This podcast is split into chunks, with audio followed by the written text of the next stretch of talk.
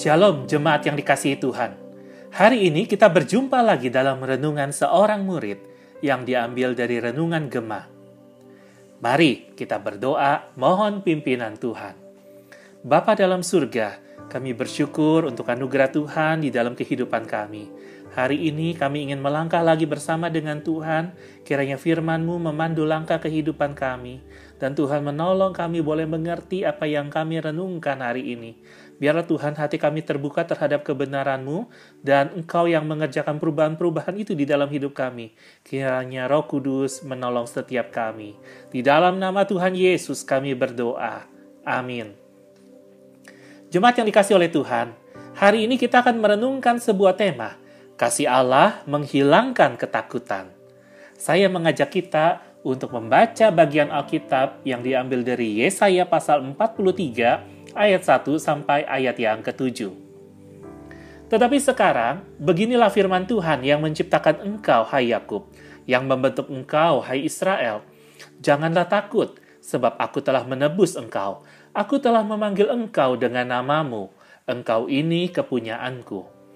Apabila engkau menyeberang melalui air, aku akan menyertai engkau, atau melalui sungai-sungai, engkau tidak akan dihanyutkan. Apabila engkau berjalan melalui api, engkau tidak akan dihanguskan, dan nyala api tidak akan membakar engkau.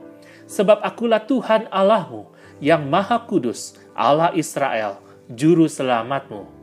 Aku menebus engkau dengan Mesir, dan memberikan Ethiopia dan Sheba sebagai gantimu oleh karena engkau berharga di mataku dan mulia, dan aku ini mengasihi engkau, maka aku memberikan manusia sebagai gantimu, dan bangsa-bangsa sebagai ganti nyawamu. Janganlah takut, sebab aku ini menyertai engkau.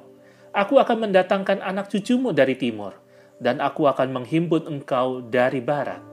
Aku akan berkata kepada utara, berikanlah, dan kepada selatan, janganlah tahan-tahan bawalah anak-anakku laki-laki dari jauh, dan anak-anakku perempuan dari ujung-ujung bumi. Semua yang kusebutkan dengan namaku, yang kuciptakan untuk kemuliaanku, yang kubentuk, dan yang juga kujadikan. Sedemikian jauh pembacaan firman Tuhan. Berbahagia setiap kita yang bukan hanya membaca, tapi merenungkan dan melakukannya di dalam kehidupan kita setiap hari. Jemaat yang dikasih oleh Tuhan, Kasih Allah amat berbeda dengan kasih manusia, bukan? Manusia cenderung untuk mengasihi orang yang diharapkan akan memberi keuntungan atau membalas kebaikan kita. Sedangkan Allah tetap mengasihi kita, walaupun kita telah mengecewakan Dia. Dalam ayat ke-22 sampai ayat 24, Allah berkata tentang umatnya, Sungguh, engkau tidak memanggil aku, hai Yakub, dan engkau tidak bersusah-susah karena aku, hai Israel Engkau tidak membawa domba korban bakaranmu bagiku, dan tidak memuliakan aku dengan korban sembelihanmu. Aku tidak memberati engkau dengan menuntut korban sajian, atau menyusahi engkau dengan menuntut kemenyan.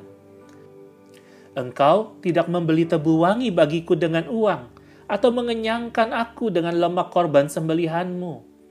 Tetapi engkau memberati aku dengan dosamu, engkau menyusahi aku dengan kesalahanmu mengingat bahwa Allah menciptakan manusia untuk kemuliaannya. Jelas bahwa cara hidup umat Israel yang demikian telah mengecewakan Allah. Dari satu sisi, dosa akan mendatangkan hukuman Allah. Perkataan menyeberang melalui air dan berjalan melalui api yang kita baca tadi di ayat yang kedua, itu menunjuk kepada kesulitan dan penderitaan yang harus dialami oleh umat Allah tapi di sisi yang lain, Allah tidak membuang umatnya yang telah mengecewakannya itu.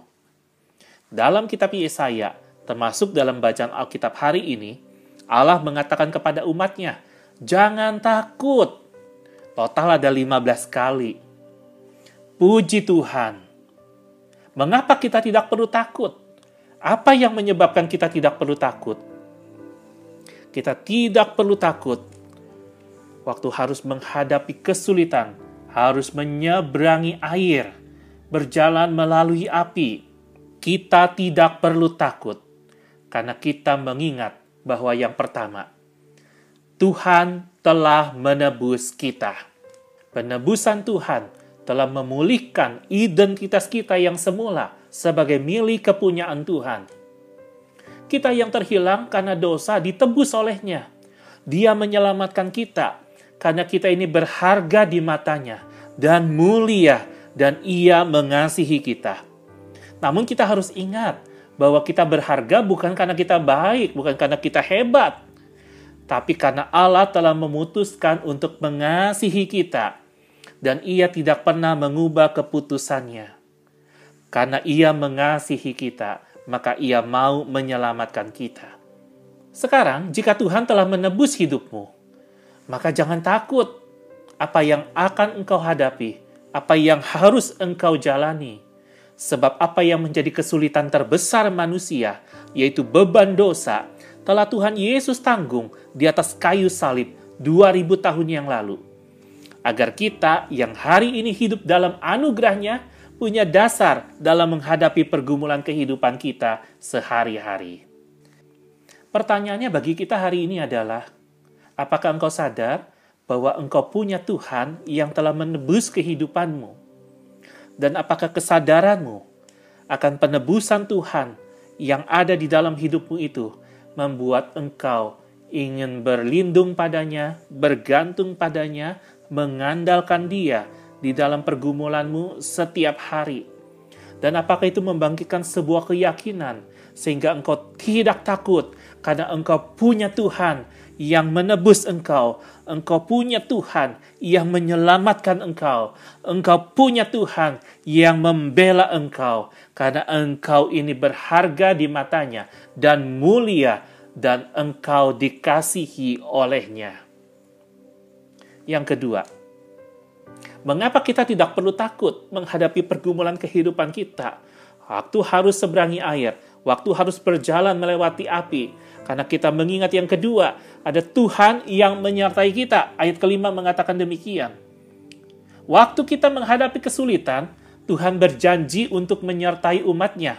Seberat apa pun kesulitan yang harus dihadapi, engkau tidak akan dihanyutkan, engkau tidak akan dihanguskan. Ada kasih Tuhan yang cukup bagi setiap kita. Oleh sebab itu, apakah yang menjadi pergumulan hidupmu hari ini?